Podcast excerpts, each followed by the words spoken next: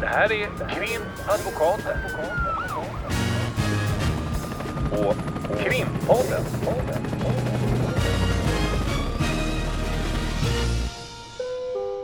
Parter och ombud kallas till sal 32. Hej Lotta! Hej Ulrika!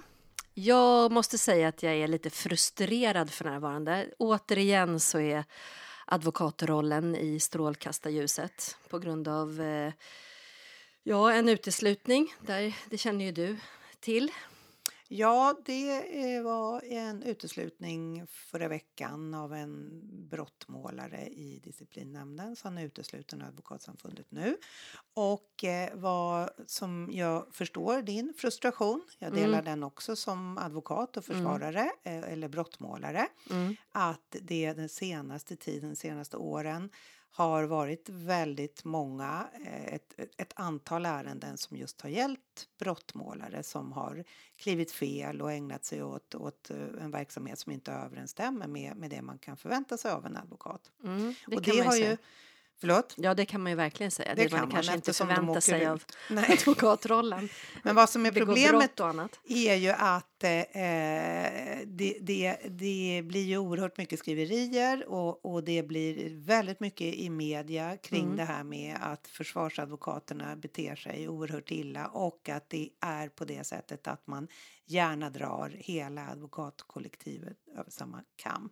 Och jag vill innan vi ska diskutera det här ändå faktiskt säga att vi är väldigt många advokater i Sverige och det är väldigt få som åker ut ur samfundet. Mm. Och då kan man också säga så här att det är ju bra att samfundet har den här, vad ska man säga, eh, alltså, en tvättande verksamhet där man tvättar bort. Mm. Eh, inte på det sättet att man liksom eh, låter folk få vara kvar och man tvättar bort lite fula fläckar utan man verkligen sätter ner foten och utesluter advokater oavsett om de ägnar sig åt brottmål eller inte. Och att man, om man inte har kommit upp till den graden att de har gjort så allvarliga fel som de blir uteslutna så publicerar man också beslut som gör att resten av advokatvärlden kan anpassa sig efter de ganska stränga reglerna som finns. Mm. Men, Men- som sagt, det är otroligt få advokater som åker ut ur samfundet Ja, men jag tror att jämfört med de som sköter sitt jobb. Ja, men alltså... och- Ja, alltså jag tror man måste säga ännu bredare. Alltså det, enligt min erfarenhet, och både du och jag, vi träffar ju väldigt många kollegor, väldigt många brottmålsadvokater varje dag i rätten, eh, på väg in i häktet, eh, utanför polisstationer, kollegialt, i kollegiala sammanhang. Och den absoluta majoriteten, det är inte bara att de inte blir uteslutna, utan alla...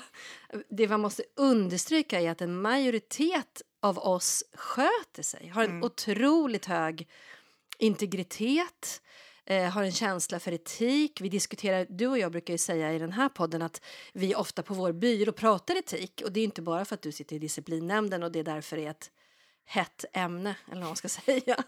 Utan att det, ofta, det uppstår ju frågeställningar och med våra nyanställda och vi, jag tror att och när vi pratar med, med advokater på andra byråer så har ju de samma resonemang som vi. Vi jobbar väldigt mycket med etiken därför att det är någonting vi konfronterar väldigt ofta i vårt jobb. Och de absolut flesta av oss advokater de vet det och respekterar det och, och har just den kompassen. Det är min övertygelse och det är det vi ser. Eller hur? Håller du inte med mig? Oh ja, och, och, och det där har vi ju också en känsla för när vi är ute i, i praktik och eh, träffar kollegor. Ja. Så eh, har vi ju både öron och ögon öppna just för kollegor som vi kan tycka att man kanske har synpunkter på. Ja. Och då eh, är det så att har man stött på en sån person antingen så konfronterar man den personen på plats eller Ja. också så börjar det spridas rykten om den personen och då är det ju såklart bättre att konfrontera men kanske lite svårt om man är ung och grön och säger det där tyckte jag inte du gjorde bra. Men det är ju den här eh, etiska kompassen som vi arbetar efter. Det är ju inte bara en, en massa regler som man kan liksom förhålla sig till på olika sätt utan det är som du säger, det är i praktiken varje dag. Det uppkommer frågor Och- och där det- vi måste titta på hur vi ska agera. Och där vi diskuterar och vi pratar och, och därför vet man ju också det. Det är inte bara någonting, alltså jag upplever heller inte att vi i advokatkollektivet har nu vet inte jag hur det är riktigt hos polisen, men man säger den här kårandan Mm. hos polisen. Jag upplever inte att vi har riktigt samma, att man är ryggdunkare på samma sätt, utan att vi har en yrkesroll där integritet är alltså ledordet. Och det är precis som du säger, att det är snarare så att är det någon som missköter sig eller gör någonting tvivelaktigt, det behöver inte vara ens i grad att man hamnar hos disciplinnämnden, utan men andra saker. Saltar en räkning, det vill jag också prata om förresten. Och gör någonting som andra reagerar på. Då pratas det, det ifrågasätts. Mm. Och det, det, mer eller mindre i vart fall, så mycket som det är för att det inte ska bli, man kanske inte känner till alla omständigheter och sådär. Men, men det, jag tycker att det blir så missriktat när det sprids den här typen av i, i vissa fall självklart, de, de här som blir uteslutna och så. Men just den här misstron mot advokater generellt som medierna absolut spär på. Ja, det skulle jag Vilken vilja säga. annan Mm. yrkesgrupp eh, publicerar man hur mycket man tjänar? Den här listan på vem tjänar mest. Mm. Vilken annan? Gör man det med åklagare, domare, polisen, om man nu ska kolla rättsväsendet? Gör man det med snickare, rörmokare, taxichaufför? Alltså det blir så knasigt. Mm. Ja, nu är det privatpraktiserande, men du förstår vad jag menar. Det, det blir så tendensiöst. Och, och sen såg jag också i Aftonbladet hade de en artikel om eh, eh med rubriken fulspel i advokatyrket. Och då är det då påstående att man har pratat med flera advokater om att det finns de som eh, sysslar med såna ambulance chasing, alltså köper sig klienter och via andra klienter köper sig fler klienter. Och, och det må så vara. Och det, och det är såklart att vi måste prata om det. Vi måste lyfta problematik som förekommer i, inom vårt yrke såväl i andra yrken. Men just nu är det ju, ja tendensiöst är väl det jag absolut vill säga. Håller du med mig? Ja, jag håller med. Jag Och att vi, med och att man, att man, jag tänker för några år sedan så publicerade man allas kostnadsräkningar i ett ganska stort mål i Göteborgs tingsrätt till exempel. Eller vi har haft domare som har stått i, i, i tv och sagt att ja, nu, nu har vi skurit advokaternas saltade räkningar. Som att man liksom utgår ifrån att vi inte har den här kompassen och integriteten som jag menar jag tror att de flesta i rättsväsendet vet att absoluta majoriteten har det. Mm. Vi sysslar inte med bedrägerier och vi sysslar inte med fulspel. Och vi, eh, vi försöker sköta vårt jobb. Liksom. Och när det gäller då räkningar som försvarare eller målsägande beträde så är det väldigt noggranna räkningar som Advokatsamfundet anser att vi Mm. ska ge in till rätten och rätten anser att de ska få sig till liv så att de ska kunna göra en bedömning av det man yrkar på. Mm. Och under eh, alla de år som jag har jobbat så har det verkligen förändrat sig där i början. När jag började jobba då skrev man ungefär vilka åtgärder man hade lagt ner och sen talade man om hur många timmar det hade tagit. Och det är ju så att advokaten ska man tro på för advokaten får inte ljuga Mm. och det godtogs. Nu för tiden så ser inte räkningen alls ut så. Nej, Utan nu skriver man att En det, roman skriver man därför man Ja. måste gå ner på minutnivå. Ja, man kanske har haft ett samtal med, med en klient och då eh, ska man beröra lite utan att avslöja för mycket vad, vad det här samtalet har rört. Vi har ju klientsekretessen så vi får inte skriva exakt vad det har rört. Vi får göra en bedömning där. Men vi måste motivera om det har tagit tio minuter för det här samtalet och då Mm. skriver vi väldigt långa och noggranna räkningar. Så såg det inte ut förr. Eh, Men det är ju nu som det har börjat ifrågasättas och då är det väl kanske så att man ibland spolar ut barnet med badvattnet. Ja, men, Men- får jag säga en annan sak i, i det där tänker jag med kostnadsräkningar? Det är intressant för då säger man att vi måste bli tydligare och vi måste, vi måste specificera ännu mer. Och som jag sa, nu är vi nästan nere på, ja, vi är nästan nere i, i våra system på minutnivå. Mm.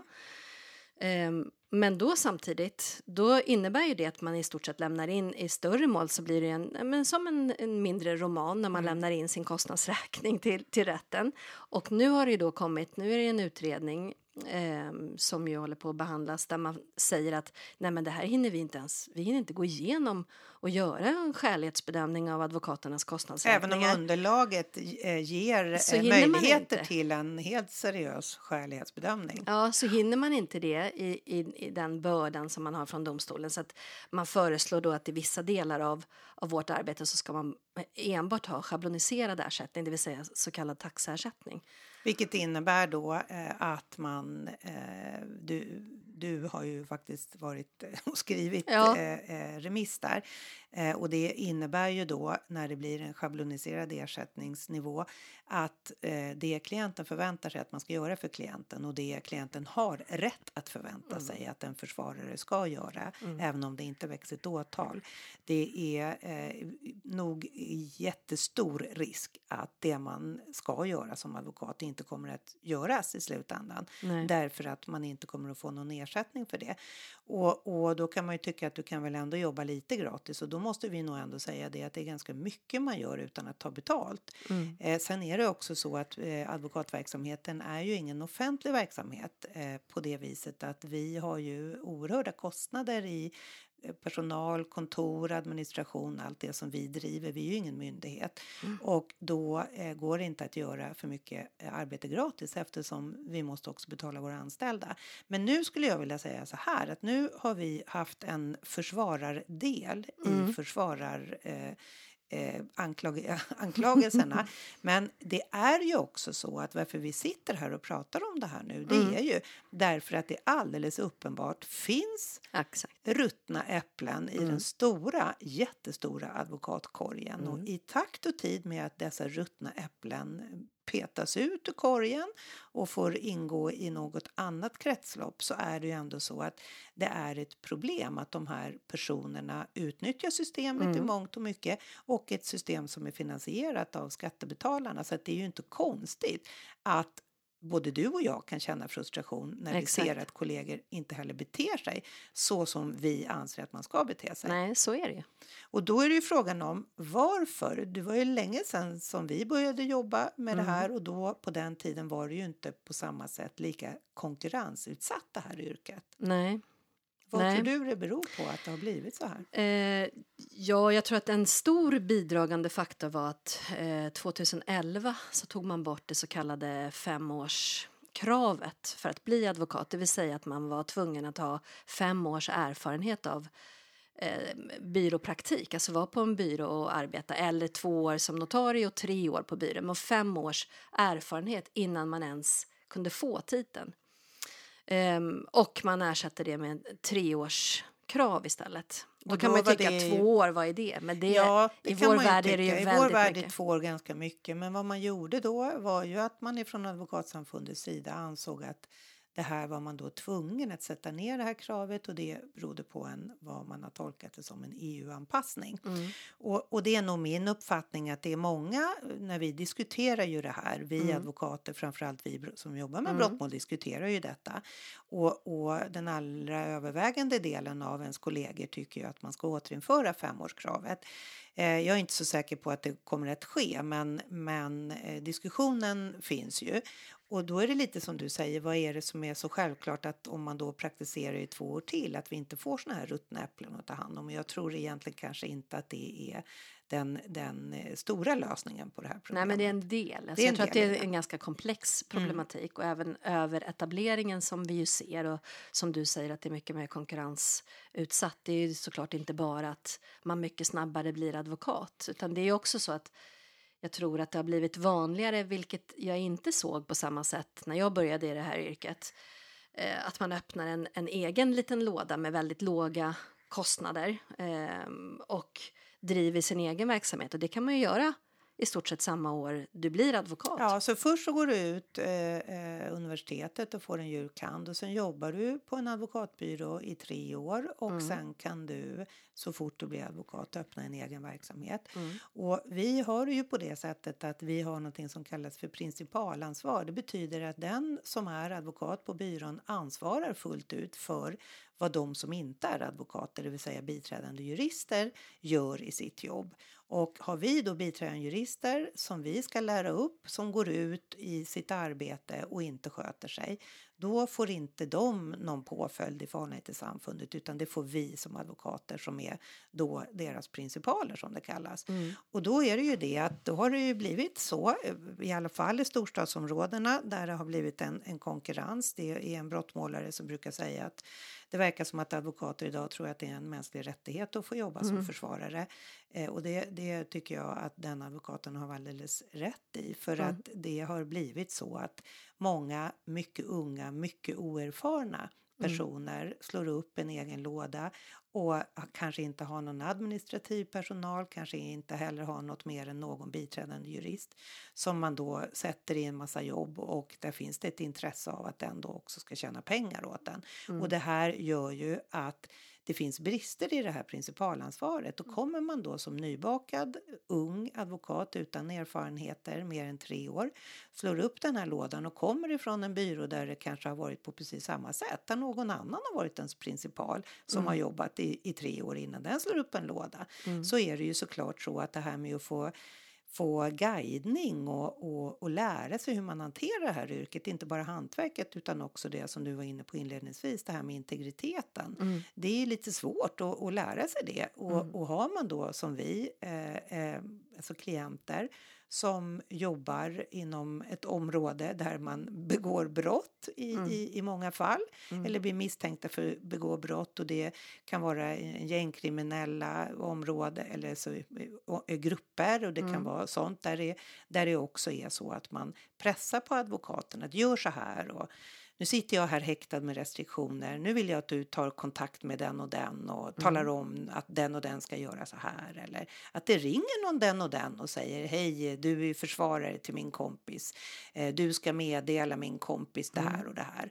Och det är ju ett klart brott mot restriktionerna. Det får inte vi göra. Och gör vi det och det upptäcks, då åker vi ut ur samfundet raka vägen ut.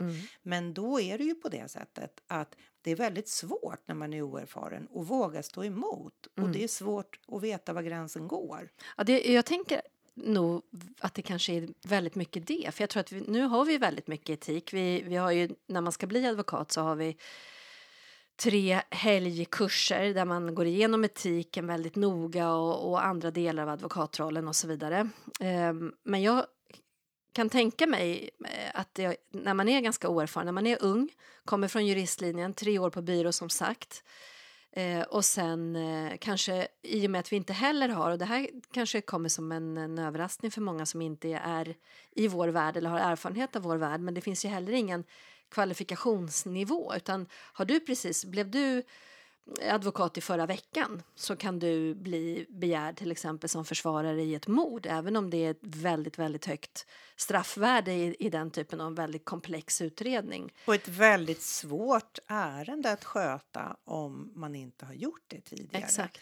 Och man kan då råka ut för en klient som också utnyttjar den situationen.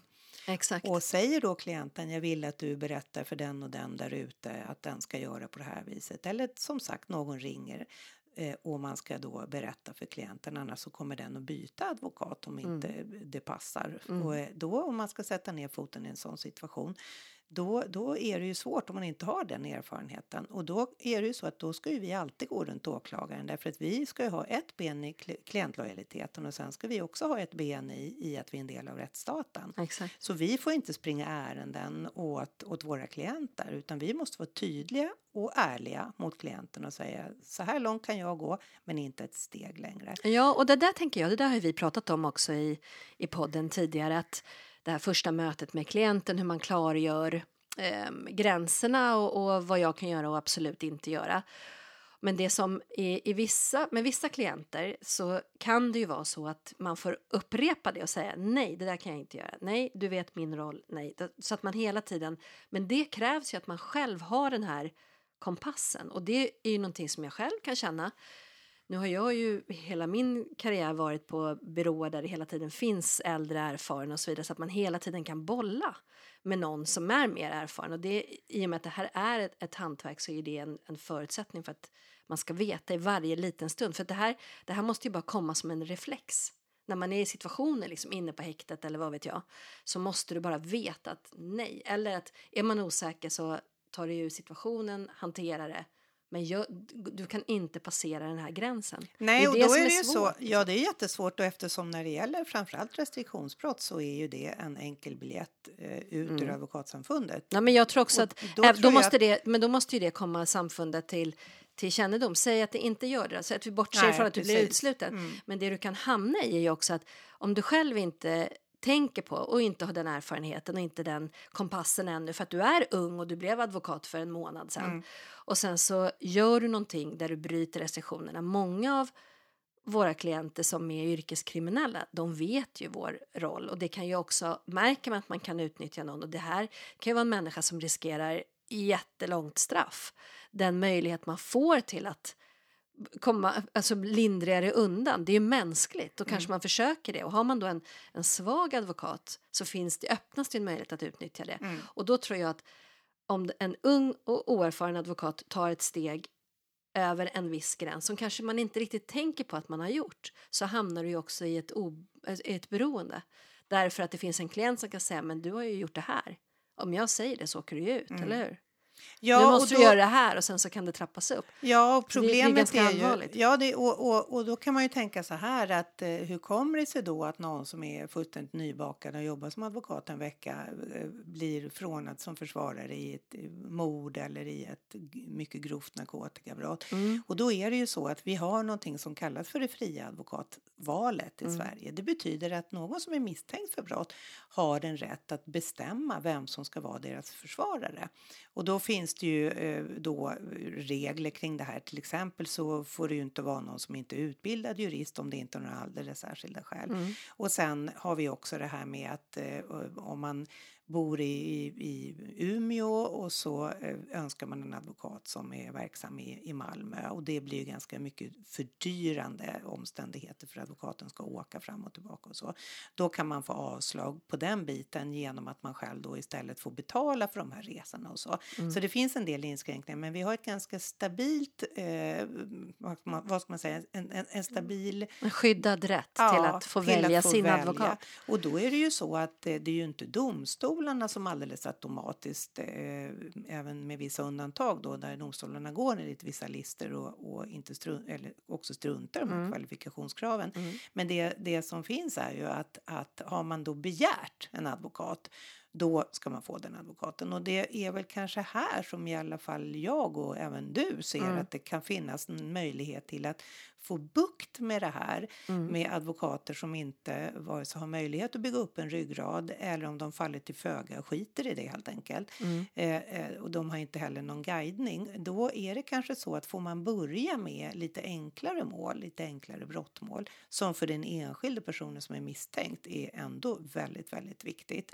Eh, får man börja med det och så får man lära sig eh, efter tid och efter de ärenden man har haft och så kan man istället då införa en, en kvalifikationsgrad som säger att du ska ha gjort si och så många år eller si och så många mål eller si och så många svåra eller lite mera svårare mål innan du får kliva i, i eh, den ordentliga advokatrollen och faktiskt fullt ut få ha även stora, tunga, svåra brottmål med ibland också klienter som kanske vill utnyttja en.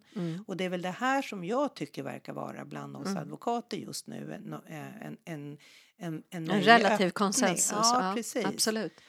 Att man skulle ha ju- någon sorts, eh, du måste ha varit i yrket eh, fem år eller vad vet jag, suttit Mm. i mål med någon sorts Jag har fått pröva komplexitet. och haft ett Ja. visst antal häktningar och lite så. Ja. Men, men då strider ju det mot det här fria advokatvalet och då, då brukar argumentationen vara ja men då kanske det får göra det.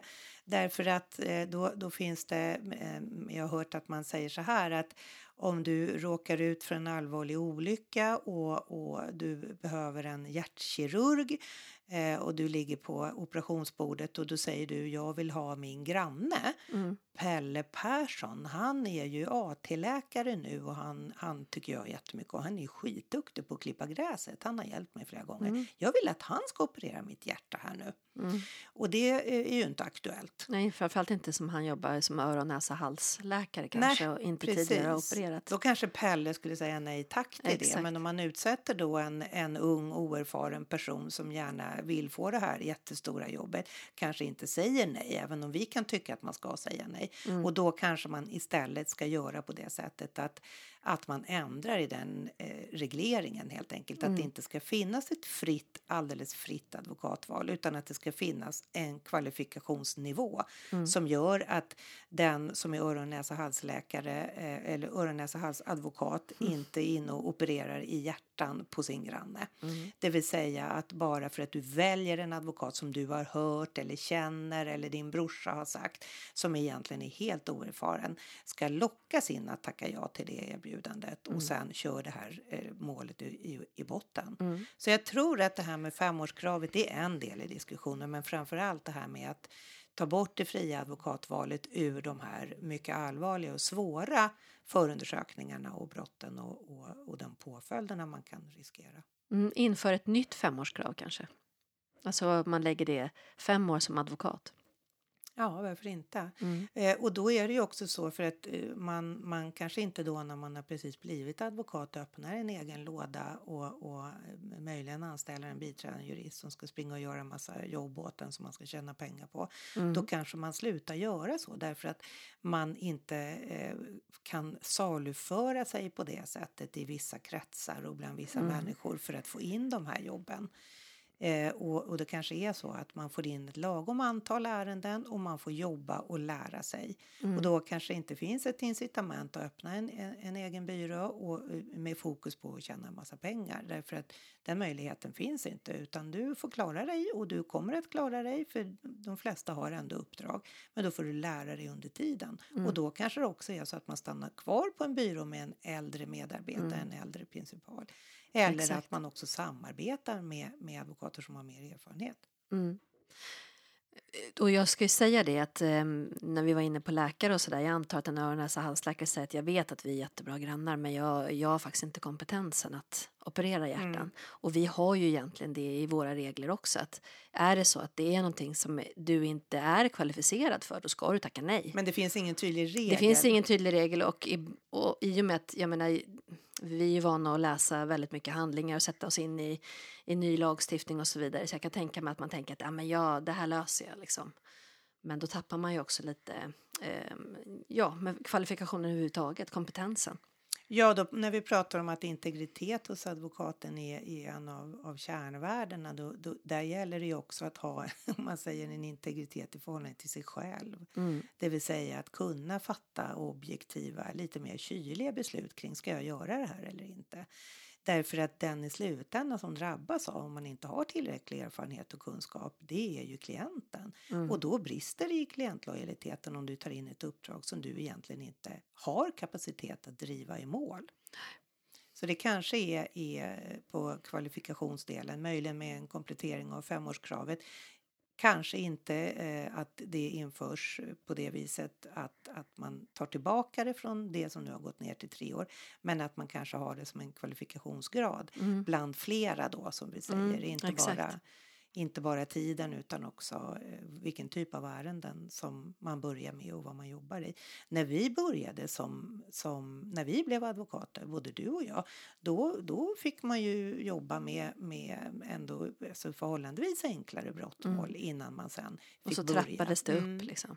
Och, och, Men då och var ju sen- både du och jag också på större bra byråer med äldre seniora Mm. advokater som man hela tiden utbildades med. Liksom. Och nu, Och så nu, var det ju femårskravet också. Ja. Så det var ju många år innan man blev advokat. Mm. Och då hade jag, alltså det är det här att få egna mål också om man ska säga så att man liksom lär sig klienthantering och, och så Mm. vidare. Och då fem år med egna mål mot två år mindre, det, det är en stor skillnad. Det är en stor skillnad och, och vi får ju se hur det hanteras. Men, men det som vad man kan säga om man ska sy ihop den här påsen så är det ju ändå så att majoriteten av advokater, nu pratar vi försvarsadvokater och, och brottmålare, sköter sig. Så är det, det är ett faktum.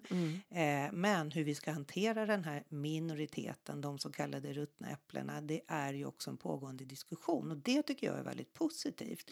För det är ju inte så att eh, det inte förekommer eh, snack och, och diskussioner och frustration och ilska hos oss som försöker sköta oss. Nej, Det är ju det är en pågående diskussion. Detta. exakt. Och då är det ju eh, precis som du var inne på, det är, det är otroligt viktigt att de här frågorna lyfts och även att vi, vi som har en advokatbyrå tillsammans, att vi får ju hela tiden samtal med våra anställda, hur de ska lära sig att gå ut i rätten och hur de ska ha den här integriteten och hur de ska vara pålästa på vilket sätt de ska hantera klienter så. Det är ju vårt ansvar. Mm.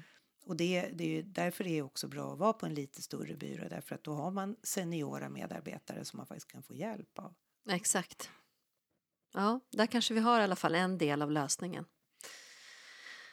Yes, Med det sagt så, Så. tar vi helg. då tar vi helg. Mm. God, god helg! God helg. Tack. Krimpodden.